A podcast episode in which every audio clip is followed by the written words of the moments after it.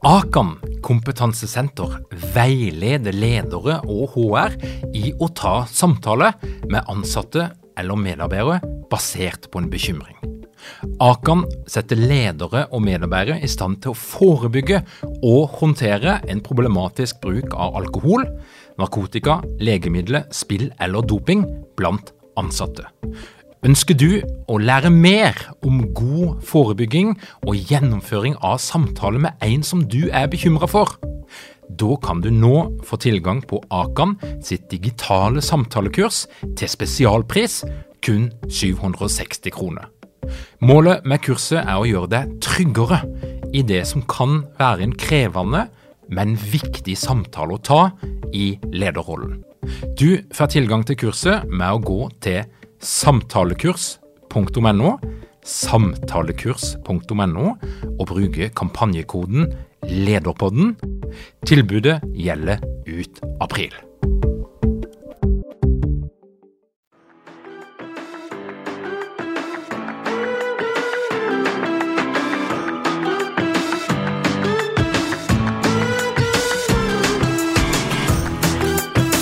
Velkommen til Lederpodden.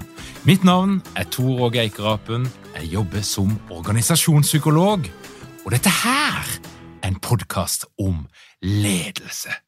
Og akkurat nå så gjøres det mye godt arbeid knytta til mangfold rundt forbi i norske virksomheter. Men vi er ikke i mål. Og hva kreves det for å få mangfoldsarbeidet til å bli noe mer enn en festtale eller en kampanje? Hvordan skaper du kontinuitet? Og får mangfoldsarbeidet til å bli en del av selskapets kultur, og ikke bare en reklamekampanje for employer branding? Og hvordan kan vi bli mer bevisst på hvordan våre ubevisste fordommer styrer de valgene som du gjør som leder. Kimya Sayadi er jusstudenten som hoppa av studiene for å etablere Big Enough Global. De hjelper virksomheter med å rekruttere og beholde flerkulturelle talenter. Og I 2021 så vant de YS sin likestillingspris, og Kimya er blitt kåra av Dagens Næringsliv til å være en av de sine 30 ledestjerner under 30 år. Men først noen ord fra vår sponsor. Har du noen gang sittet i et digitalt møte og kjent at du blir utålmodig?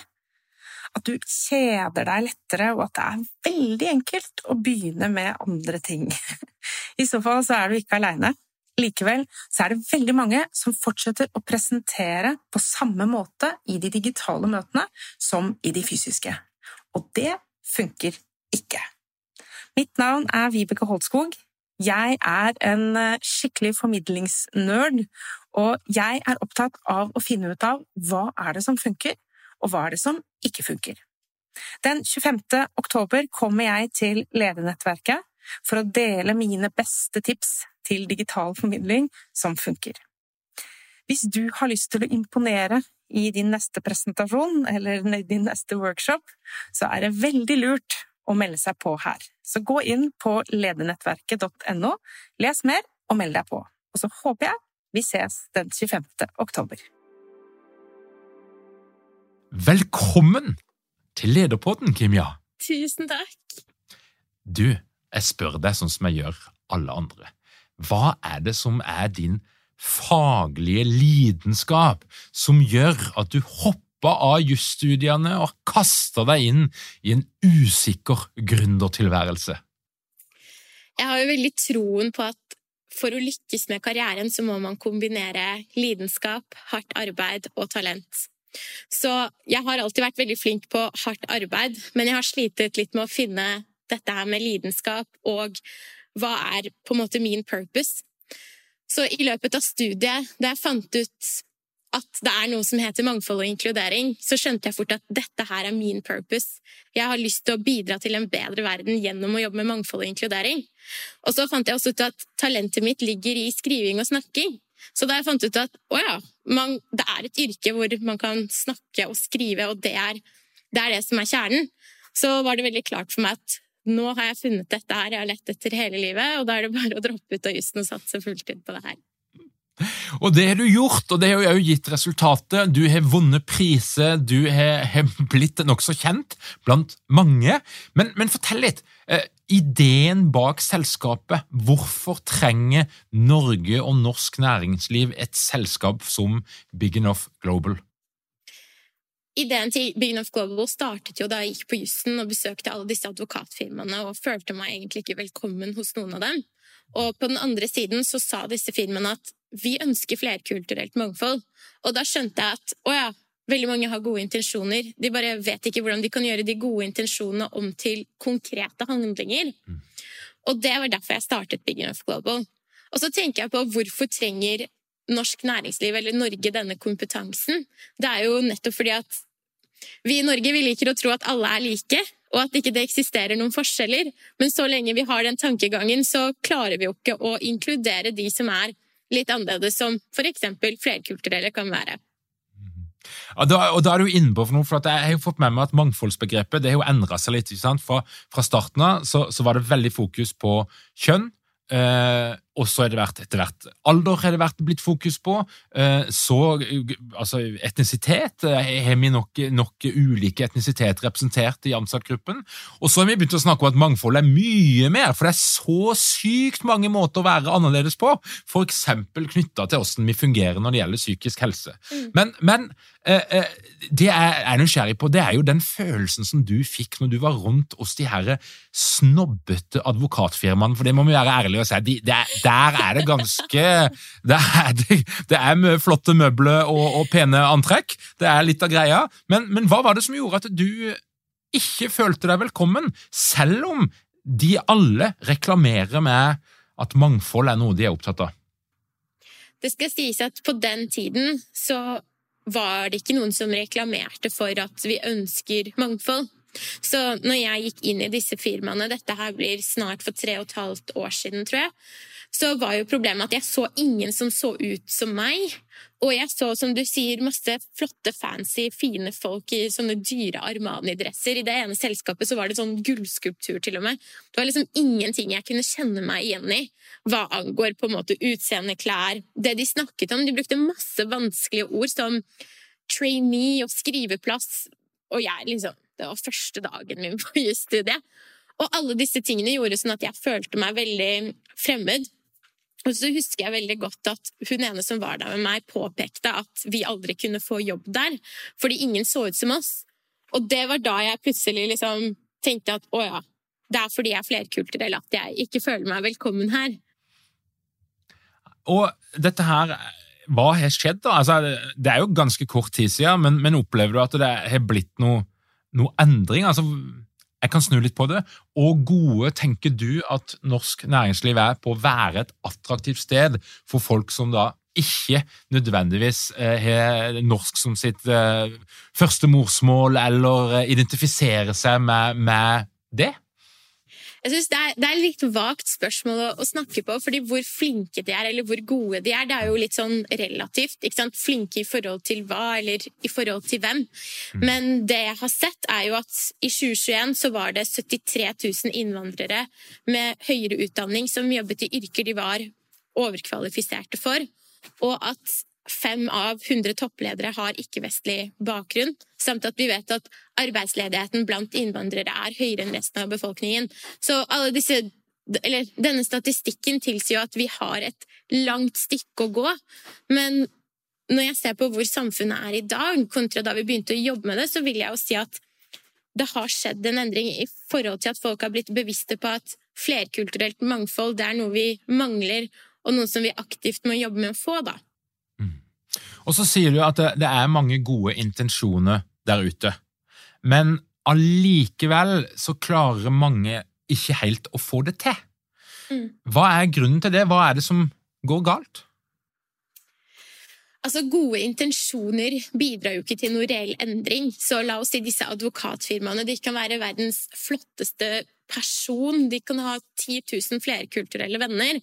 Men hvis jeg går inn i det advokatfirmaet og ikke ser noen som ligner på meg, eller ikke forstår et bær av det de sier, så kommer jo ikke Altså, jeg sitter ikke inni hodet på dem og vet at de, de ønsker meg. Så det er derfor gode intensjoner ikke er godt nok. Og så Et annet eksempel er la oss bare ta utgangspunkt i de sosiale aktivitetene. Jeg er ikke så glad i å drikke i jobbsammenheng, og det, det har ikke noe med at jeg er flerkulturell å gjøre. Men sånn det var på jussen på den tiden, så var jo alle de sosiale aktivitetene advokatfirmaene arrangerte, det var liksom Folk dro dit for å dra på vors.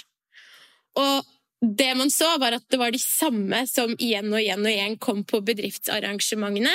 Mens vi som ikke var så glad i den feststemningen, vi kom ikke. Og da har det igjen ikke noe å si at du har verdens beste intensjoner og er verdens beste menneske, hvis ikke folk har lyst til å komme inn døra, da. Mm. Fordi de sosiale aktivitetene er ekskluderende, f.eks. Mm. Du, du, har et fokus øh, og en veldig sånn tydelig, øh, et tydelig verdiforslag i ditt selskap, og det er å hjelpe virksomheter med å tiltrekke seg og beholde eh, talentet som, som, er flerkulturelle, som har en annen etnisk opprinnelse enn norsk. Jeg, jeg, kjenner meg en gang at jeg blir litt sånn, bare med, med bruk av de her begrepene så blir jeg litt sånn usikker. Hva er det rette akkurat nå? Altså, Flerkulturell eh, eller etnisk eller minoritet, er, er, vil, hva, hva syns du? Skal, og, og, for dette her er vanskelig. Ja. La oss begynne med begrepene. ja, ja, altså det er jo tusen forskjellige begrep, og jeg tror ikke jeg er liksom riktig person til å si hva er det som er riktig, eller hva er det som er galt. Men vi har valgt å bruke begrepet flerkulturell, og egentlig så var det ikke noe veldig spesifikk grunn til det. Vi bare syntes at det hørtes bedre ut enn å f.eks. bruke innvandrer, fordi det er mange som ikke identifiserer seg med å være innvandrer, da, hvis det har gått en stund siden de f.eks. flytta til Norge. Så jeg har ikke noe mer klokt svar der enn det. Nei, men jeg tenker jo sånn, altså en, en, en, tredje, fjerde, femte generasjons innvandrere på, på, et eller annet tidspunkt så må vi tenke jo at vi må slutte å, å, å bruke noen sånn spesielle betegnelser altså, på det. Når, når, skal du være bare norsk? Men, men, samtidig så sier du at det er noe med eh, hudfarge, det er noe med, med andre parametere som gjør at allikevel så trenger vi et begrep for å gjøre et skille. Er, er det riktig forstått? Ja, og så vil jeg si at Når vi bruker begrepet flerkulturell, så gjelder det folk som identifiserer seg med to eller flere etniske bakgrunner. Så det er viktig at folk selv får lov til å eie den på en måte definisjonsmakten, eller ha definisjonsmakten. Og så er det jo som du sier, ikke sant Med en gang du heter Mohammed, så er det forska på at det er mindre sannsynlig for at du blir innkalt til jobb. Så du kan jo være femte generasjon, men fortsatt så heter du Mohammed, og da er det noen mekanismer som gjør det vanskeligere for deg. Så det er også derfor å bruke ordet hvis man bruker begrepet flerkulturell, og det ikke nødvendigvis handler om hvordan folk identifiserer seg, så mener jeg at det likevel er viktig for å nettopp kunne adressere disse mekanismene, da. Mm. Og vår samtale begynte jo litt på at, at du så at mange gjorde gode initiativ eh, der ute, og, og, når det kommer til mangfold, men du satt med en følelse at det stoppa litt opp. Det ebba litt ut. Eh, hva er det som mangler i denne fortsettelsen? Mm. Ja, så da, begynte, da, jeg begynte å bistå virksomheter, så var det jo nettopp med å rekruttere og beholde flerkulturelle, som du sier. Og det jeg la merke til, var at når jeg kom tilbake til disse virksomhetene og skulle følge opp, så var det ofte at man ikke hadde gått videre med mangfoldsarbeidet. Og så skjønte jeg fort at virksomhetene de hadde ikke noe system og noe struktur på hvordan de skulle jobbe med mangfold og inkludering. Så Derfor så har jeg gått litt mer i retning av å hjelpe virksomheter å sette en ok, Hvordan setter vi en strategi? Hvordan setter vi mål?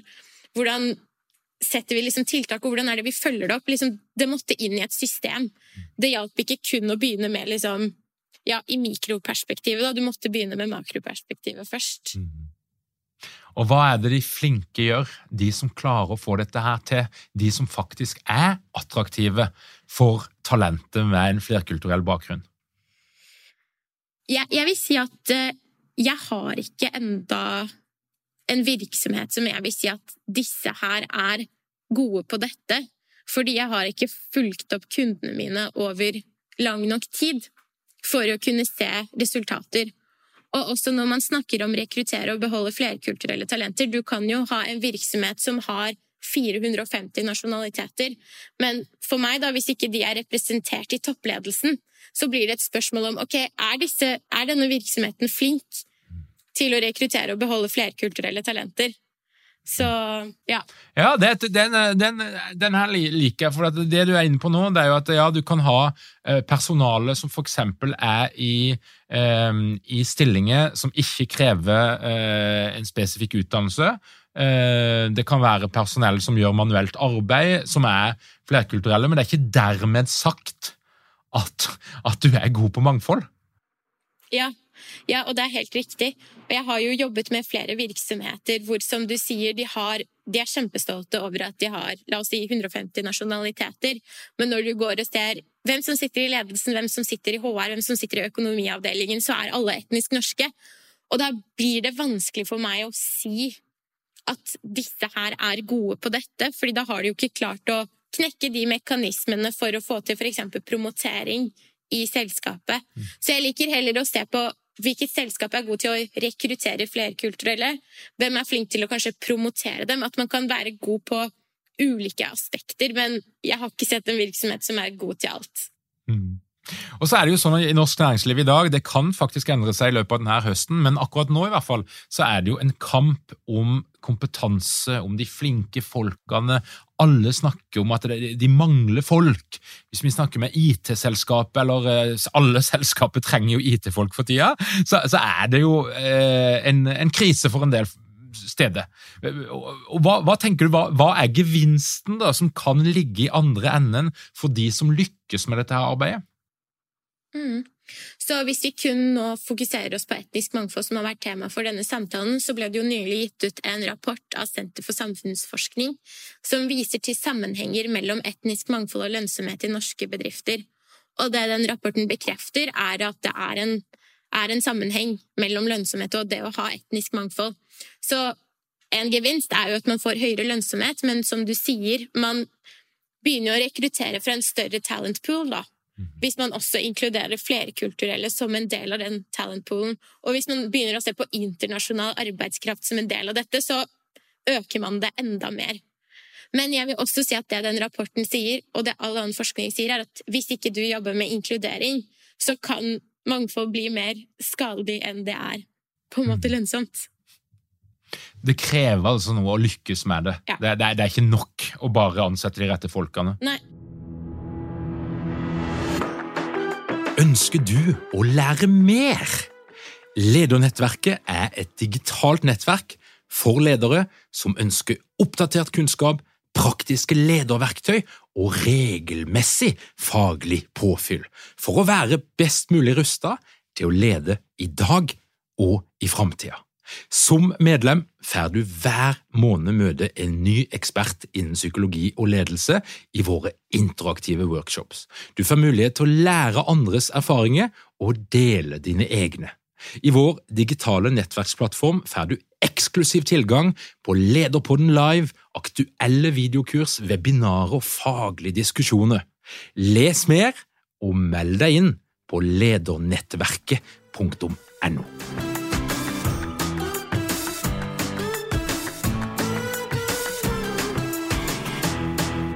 I de her prosessene så er det jo et tema som jeg vet du er veldig opptatt av, eh, og som er kanskje elefanten i rommet mange steder. Og det er jo våre ubevisste fordommer som preger de valgene som vi gjør, våre reaksjoner, åssen vi føler og tenker. Eh, fortell, hva, hva, er det som gjør at dette her temaet er så spennende og så viktig? Jeg vil jo si at det som gjør det så spennende så viktig er egentlig at alle snakker om det, men det er veldig få som vet hva det betyr. Så jeg har fått litt sånn obsession med å forklare hva det egentlig er. Og det henger sammen med hvordan hjernen vår fungerer. Så hjernen vår får inn 11 millioner biter informasjon per sekund, og vi klarer kun å prosessere 40 av dem. Så ca. 95-98% av de valgene vi tar, er Har dere mange ledere uten trening eller utdannelse innen ledelse? Mangler dere en felles kultur og praksis for ledelse? Ønsker dere å være bedre rustet for fremtidig vekst og endring? Da kan et internt lederutviklingsprogram være en god investering. I Execu er vi eksperter på å designe og gjennomføre bedriftsinterne lederutviklingsprogram. Hvis du ønsker å lære mer om hvordan vi kan hjelpe dykken til å få enda bedre ledere, ta og klikk deg inn på execu.no.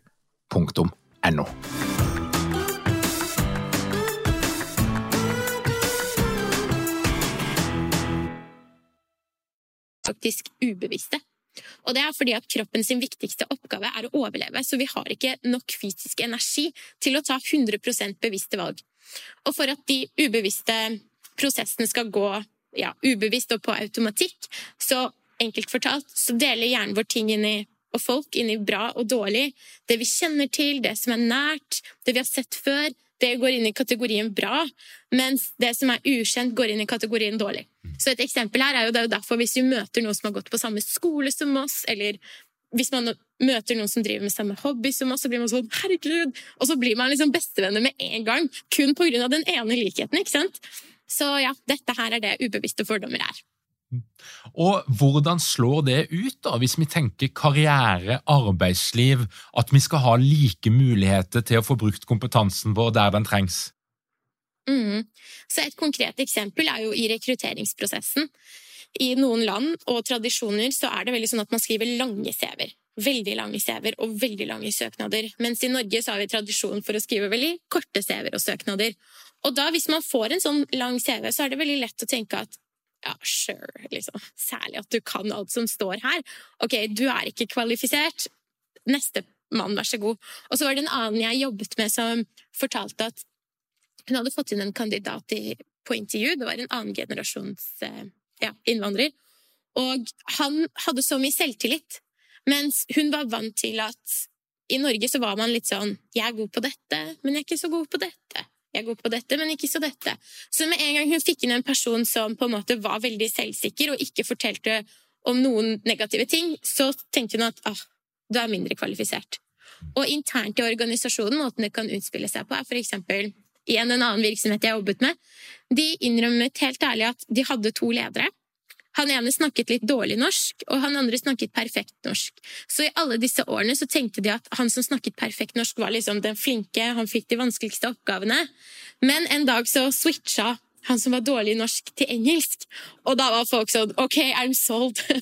Du er liksom den som er flinkest. Så det påvirker både hvem vi rekrutterer, men også hvem vi ser på som flinke, og som blir promotert internt i organisasjonen. Ai, ai, ai. Og dette her er jo ting som mange av oss er ganske ubevisst på, la oss være så ærlige. Altså, det ligger ikke noen dårlige intensjoner bak, men er, vi er enkle, som du sier. Hjernen vår forenkler verden hele tida. Det er en del av oppgaven til hjernen. Så, så, da sitter jeg og tenker på hva kan vi gjøre med dette her? Altså, Hvordan kan vi i mindre grad la de ubevisste fordommene styre oss? Jeg er glad for at du spør om det, og ikke hvordan kan vi fjerne dem. Fordi hvis man ser på eh, mange selskaper sin kommunikasjon, så sier de sånn vi har, nå, vi har ikke ubevisste fordommer. Og tilbake til hva det er. Det er umulig å få de helt bort. Men ja, man kan gjøre ting for å redusere de. Så en ting man kan gjøre i rekrutteringsprosessen, er jo å ha strukturerte rekrutteringsprosesser. Det er jo Eh, undersøket ganske mye at hvis man har veldig klare krav, f.eks. på hva slags kandidat er det du ser etter, så reduserer det sannsynligheten for at dine personlige oppfatninger skal styre. Så et eksempel, en virksomhet jeg jobbet med, brukte begrepet personlig egen, egnethet. Og når du har et så vagt begrep, så kan du synes om du vil ha Kimia eller Kari. Sånn rent faktisk. Mm -hmm. Og så er det jo innad i organisasjonen, det å også legge noen strukturer for hvordan er det promoteringsprosessene våre foregår, er en viktig del av dette. Men jeg tror vi må begynne med noe så basic som å anerkjenne at det er noe alle har. Mm. Og også begynne å reflektere litt rundt hva slags ubevisste fordommer er det vi har i våre rekrutteringsprosesser, i våre promoteringsprosesser, som eksempel hindrer kvinner eller flerkulturelle i å lykkes. For det er først når vi kan begynne å adressere dem, at vi kan også implementere tiltak. Det er, det er, veldig bra å høre, og jeg, og jeg tror veldig på det. Altså, jeg, jeg snakka nettopp med noen fra PwC. Der kjører de sitt eget opplegg nå knytta til mangfoldsledelse. Og de kjører noen sånn runde i ledergruppene der de, der de, snakker nettopp om våre ubevisste fordommer. Og bare den praten, den bevisstheten, tenker jeg jo er nok til å faktisk kunne gjøre en forskjell. Og så er det ikke sikkert du bare skal ta den praten én gang, du må sannsynligvis ta den flere ganger mange steder. Men bare det å åpne opp for at det er en del av det å være menneske, det er å ha de her fordommene, tenker jeg kanskje gjør at vi kan motvirke det, og mye makt de her fordommene skal få. Men hvis jeg kan legge til en ting her Jeg tror det var Harvard som hadde gjort en undersøkelse på effekten av det som kalles unconscious bias workshop. Altså ja. workshop eller foredrag knytta til ubevisste fordommer. Og det de hadde sett på, var at det egentlig ikke ga noe effekt. Og det handler jo litt om at disse ubevisste fordommene de er laget gjennom et veldig langt liv. Og de ligger så så, så inni oss. Så selv om du kan være bevisst med hjernen din om at det her er feil, nå er jeg diskriminerende, men du har ikke kontroll over det. Og jeg, jeg må bare komme med et veldig interessant eksempel her, og det er at jeg er litt redd for å fly. Men jeg skulle fly til, jeg skulle fly til et sted, og med en gang han piloten snakket dårlig engelsk, så fikk jeg totalt panikk. Altså, jeg begynte å hylgråte på flyet. Men jeg visste at dette her var ubevisste fordommer. Jeg visste at liksom folk betaler meg for å kurse deg om å snakke om disse tingene. Men det var jo ikke automatisk sånn at jeg kunne bare skyve det vekk. Så for å oppsummere, det å bli bevisst er et første steg, men man må også ha strukturer og prosesser og implementere tiltak hvis det skal gi en reell effekt. da. Veldig godt å høre. Jeg elsker når det er noen som kommer og slenger forskning i bordet som motviser mine egne antakelser om hva som er godt nok tiltak. Herlig. Og, og de her strukturene Jeg tenker at det er en kobling mellom struktur og kultur.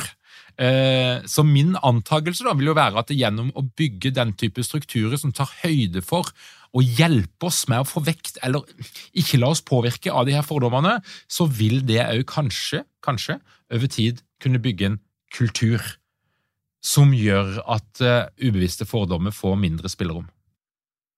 Ja, og da kommer jo litt spørsmål av høna og egget. Skal man begynne med å lage den kulturen, eller skal man begynne med å lage de, de prosessene? Fordi hvis vi tar utgangspunkt i rekruttering, man kan si at det er en ubevisst fordom at man velger de som er veldig gode i norsk, fremfor de som ikke kan så godt norsk.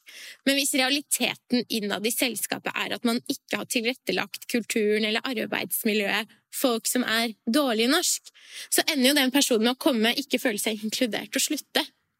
Så man må også tenke, prøve å lytte til lederne og høre eksempel ok, hva er grunnen til at du ikke vil ansette unge? Og ja, er det fordi du ikke aner hvordan du skal lage oppgaver til dem? Da må man jo begynne internt å skape den kulturen og det miljøet før man kan på en måte pushe på i rekrutteringen. da. Mm. Så rekruttering det er et godt sted å starte, og det høres også ut som et sted å starte som er ganske lett, en lavthengende frukt, men det er langt ifra nok. Ja. Eh, hvis det som møter deg etterpå du er rekruttert, ikke fungerer i det hele tatt. Ja, eller hvis lederne ikke tør å ta det rekrutteringsvalget fordi de vet at den personen som kommer inn til dem, kommer til å slutte. Mm. Og jeg jobbet nylig med en virksomhet som hadde en gjennomsnittsalder på jeg tror det var over 55. da. De hadde kanskje tre i hele selskapet som var unge. Og det disse lederne visste, var jo at okay, hvis vi tar inn én ung person som sitter med alle oss over 50 Den personen kommer ikke til å trives, den har ingen oppgaver og kommer til å slutte. Mm. Så den, faktisk det interne satte barrierer for rekrutteringen. Mm. Og da er vi jo kommet der at jeg lurer på, hvis du skal gi råd til de flinke, gode lederne der ute som virkelig har lyst til å bidra, og som skjønner at her er det eh, en mulighet til å gjøre noe, som òg vil tjene både selskapet, virksomheten, arbeidsmiljøet og samfunnet vårt. Hvor skal de starte henne? Hva er liksom de der små stegene som du tenker er viktig? Det første er å bli bevisst på hva slags mangfold er det vi mangler eller trenger i teamet. Mm. Fordi sånn som du har vært inne på, mangfold betyr alle er en del av mangfoldet. Og det andre er å bli bevisst på hvorfor er det jeg ønsker dette, dette mangfoldet. Det å ha på en måte knytte det opp mot businessen sin, sin langsiktige plan. Og nummer tre er kort og enkelt identifisere barrierer som hindrer deg fra å få det, den talentet. Da. Så hvis du f.eks. kommer frem til at du ønsker flerkulturelt mangfold, men du får ingen søkere, da vet du at et sted du skal starte, er å aktivt gå ut og finne flerkulturelle kandidater. Så det er liksom mine tre første veldig enkle steg. Mm. Eh, jeg kjenner igjen dette her. for jeg, jeg, jeg, altså, Jo mer vi snakker sammen, jo mer tenker jeg på alle de stedene jeg er i min jobb, i organisasjoner. Og det som jeg har sett mer og mer av, det er jo ledere og andre som stender på en scene og snakker om viktigheten av mangfold. Det har det blitt betydelig mer av. Men det som er interessant, det er jo at publikummet er like hvitt og homogent som det alltid har vært. og der er jo kanskje problemet. Mm. Ja, ja. Det, det, er, det, er, liksom noe med å se hvem er det man har på en måte i, i nettverket sitt, og hvor, hvilke arrangementer og arenaer er man på. Ja. Men eh, du, du har i, en del sammenhenger så har du bydd litt på din egen altså, det, Dette her er jo ikke likt for alle, det er svært individuelt, og det er, det er en fare for å generalisere nå, som vi kommer med en sånn generaliseringsadvarsel. Men, men hva er det folk som har en, en flerkulturell bakgrunn, kjenner på? Når de møter norsk arbeidsliv. Og eh, du kan gjerne bruke din egen eh, historie eller andre som du har blitt fortalt, men, men hva er noen sånn typiske reaksjonsmønstre, følelser, som kan oppstå i det møtet der? Ja, selv om du sa det, så føler jeg at jeg må presisere det enda en gang. Men flerkulturelle er en mangfoldig gruppe. Du har alt fra la oss si Memona, som kom til Norge i går fra Afghanistan, til Omar, som har levd her i 90 år. Og det å liksom si hva de har til felles, det blir, det blir veldig vanskelig. Men jeg kan si, komme med eksempler på ting som jeg har møtt på. Så det første er jo at mange kan ha en litt sånn frykt rundt å bli diskriminert. Og det kan jo gjøre sånn at man eh, unngår å være med på ulike, i ulike sosiale settinger. Jeg hadde f.eks. en venninne som ikke hadde lyst til å være steder hvor det var alkohol, fordi hun var så redd for å få rasistiske kommentarer knyttet til at hun er muslim. Men så har jo Equality Check gjort en undersøkelse som viser at flerkulturelle gjennomsnittlig på en måte opplever mer diskriminering og ubevisste fordommer på arbeidsplassen sammenlignet med etnisk norske. Så det er jo faktisk en realitet. Og så Jeg tror også den derre følelsen av utforskap, da. Og føle at man ikke er velkommen eller ikke tilhører fordi kulturen er så, er så fjern fra det du er vant til. Og igjen, jeg kjenner mange flerkulturelle som er i på en måte totalt etnisk norske kulturer og trives kjempebra, men nå snakker jeg jo om de som for eksempel ikke gjør det. Sånn som jeg kan ha en tendens til at hvis det kun er etnisk norske i rommet, så føler jeg meg automatisk litt mindre velkommen og litt mindre inkludert. Eh, ja. Gode eksempler, og jeg tenker jo det, det, gjør jo noe med oss alle sammen når vi kjenner på den type følelse. Altså Det gjør at vi kan bli litt mer usikre, vi kan ikke nødvendigvis bli den beste utgaven av oss sjøl heller. Altså, vi kan, vi kan reagere på måter som kan være litt vanskelig for andre å forstå. Spesielt oss som da tilhører majoriteten, og sjeldent kjenner på følelsen av å være en minoritet. Mm, mm. Og så er det jo dette her med å leve med én fot i hver kultur, da. Så, så, så, mange lurer på hvorfor er det noen blir så triggered av at jeg spør hvorfor drikker du ikke? Og for meg da, så kan det jo handle om at ok, bestemor spør hvorfor drikker du så mye, mens de på arbeidsplassen spør hvorfor drikker du ikke. Og dette her med at du er liksom sprika mellom to kulturer, det er en del av det minoritetsstresset som igjen påvirker hvordan man tolker Kall det enkle, uskyldige utsagn på, da. Mm. Minoritetsstresset det er et litt sånn godt begrep. Fortell litt, hva, hva er det for noe? Ja, så Minoritetsstress er jo et samlebegrep for på en måte stress som er knyttet til at du er minoritet, å gjøre. Dette her med at du kan føle på utforskap eller være redd for å bli diskriminert eller bli diskriminert. Det er sånne type ting. Mm. Og det er et utbredt fenomen som mange kjenner på hvis du er i en minoritet. Er det riktig forstått?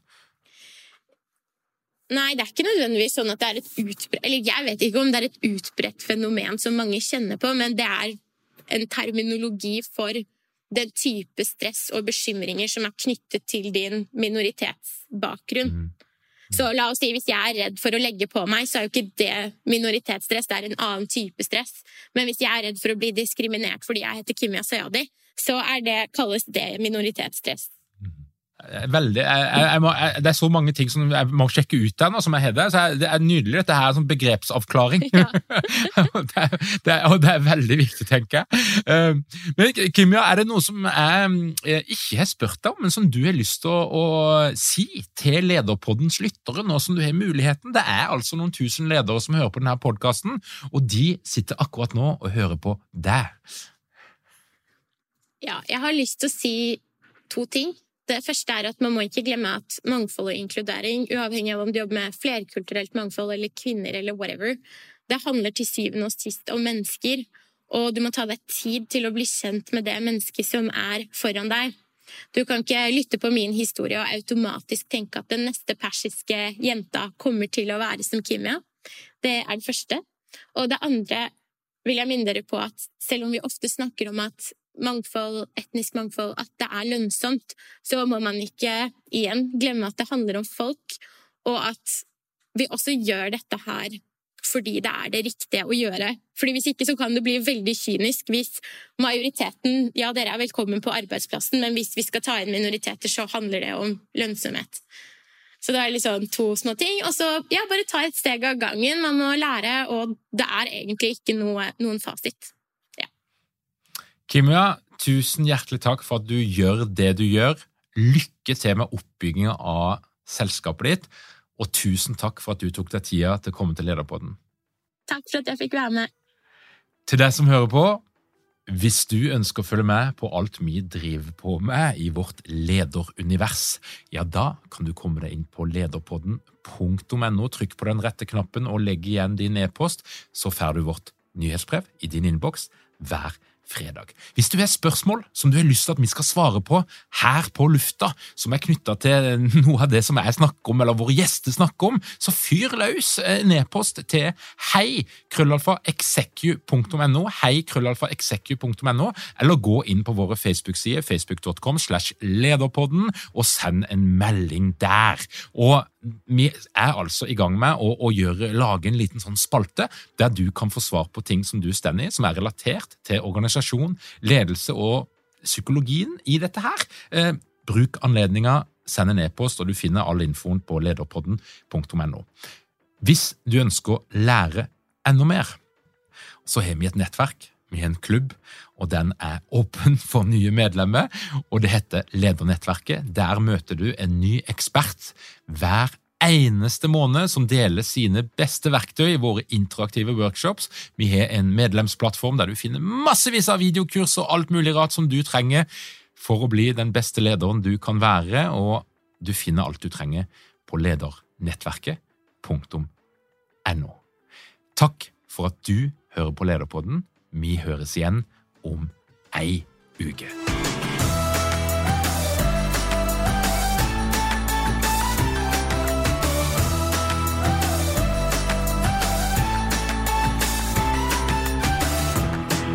Lederpodden er gitt til deg av Execu. Vi tilbyr leder- og ledergruppeutvikling som gir effekt. Les mer på execu.no.